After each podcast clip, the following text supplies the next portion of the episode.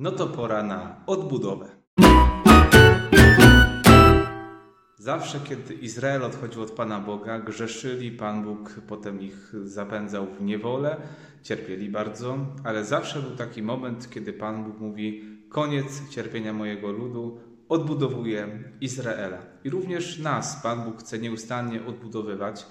Czasami pozwala nam odejść od Niego, pozwala nam podejmować złe decyzje, nie dlatego, że chce naszej krzywdy, ale też dlatego, że szanuje naszą wolność i też dlatego, że my potrzebujemy czasami popełnić błędy, żeby jeszcze bardziej świadomie wrócić do Boga. I wtedy, kiedy Izrael nawracał się, kiedy zrozumiał swój błąd, zrozumiał, że potrzebuje Boga, wtedy Bóg bardzo chętnie przychodził mu z pomocą i wtedy go odbudowywał. To dzisiejsze pierwsze czytanie to taki e, znak, zapowiedź w wielu miejscach podobna jest w Starym Testamencie, kiedy Bóg mówi, że kończy się uciemiężenie, kończy się cierpienie ludu. Bóg będzie odbudowywał i zapowiada, obiecuje błogosławieństwo.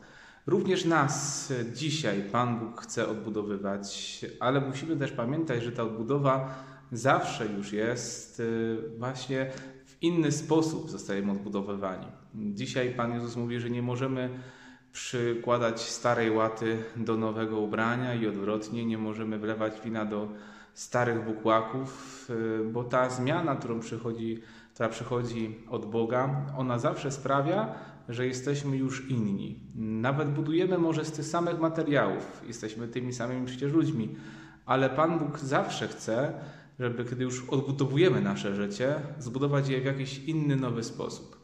Żeby tak było, potrzeba autentycznego bycia przy Jezusie. Dzisiaj uczniowie faryzeuszów pytają się, dlaczego Twoi uczniowie nie poszczą. Post, już nieraz sobie to mówiliśmy, jest po to, żeby zbliżyć się do Boga, zbliżyć do Jezusa, więc uczniowie tego nie potrzebowali.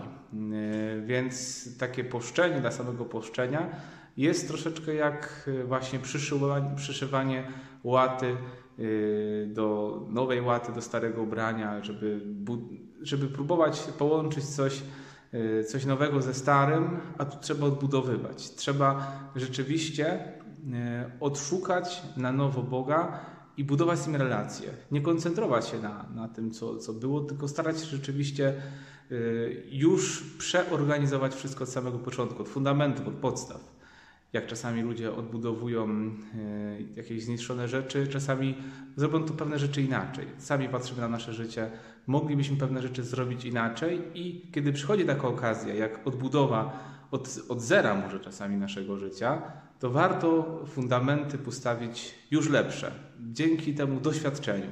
Tak się stało też z Izraelem. Izrael, kiedy już miał odbudowywać siebie, to Pan Bóg, jak mu zapewniał błogosławieństwo, to nie po to, żeby wrócić do starych schematów, do starych błędów, ale żeby tamtych błędów już nie powtarzać. Tego Wam więc, kochani, życzę.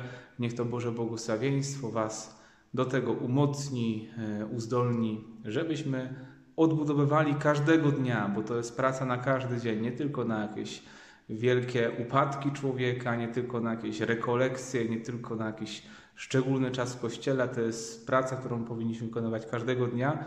Każdego dnia budować swoje życie na jak najlepszych fundamentach, żeby nie trzeba było przebudowywać, żeby się nie okazało, że w pewnym momencie naszej budowli wszystko runie, bo jest zbudowane na złych fundamentach, albo no właśnie, niewystarczający sposób e, jest to wszystko zrobione tak, abyśmy przyszywali jakieś łaty. Nie, po prostu kup nowe ubranie.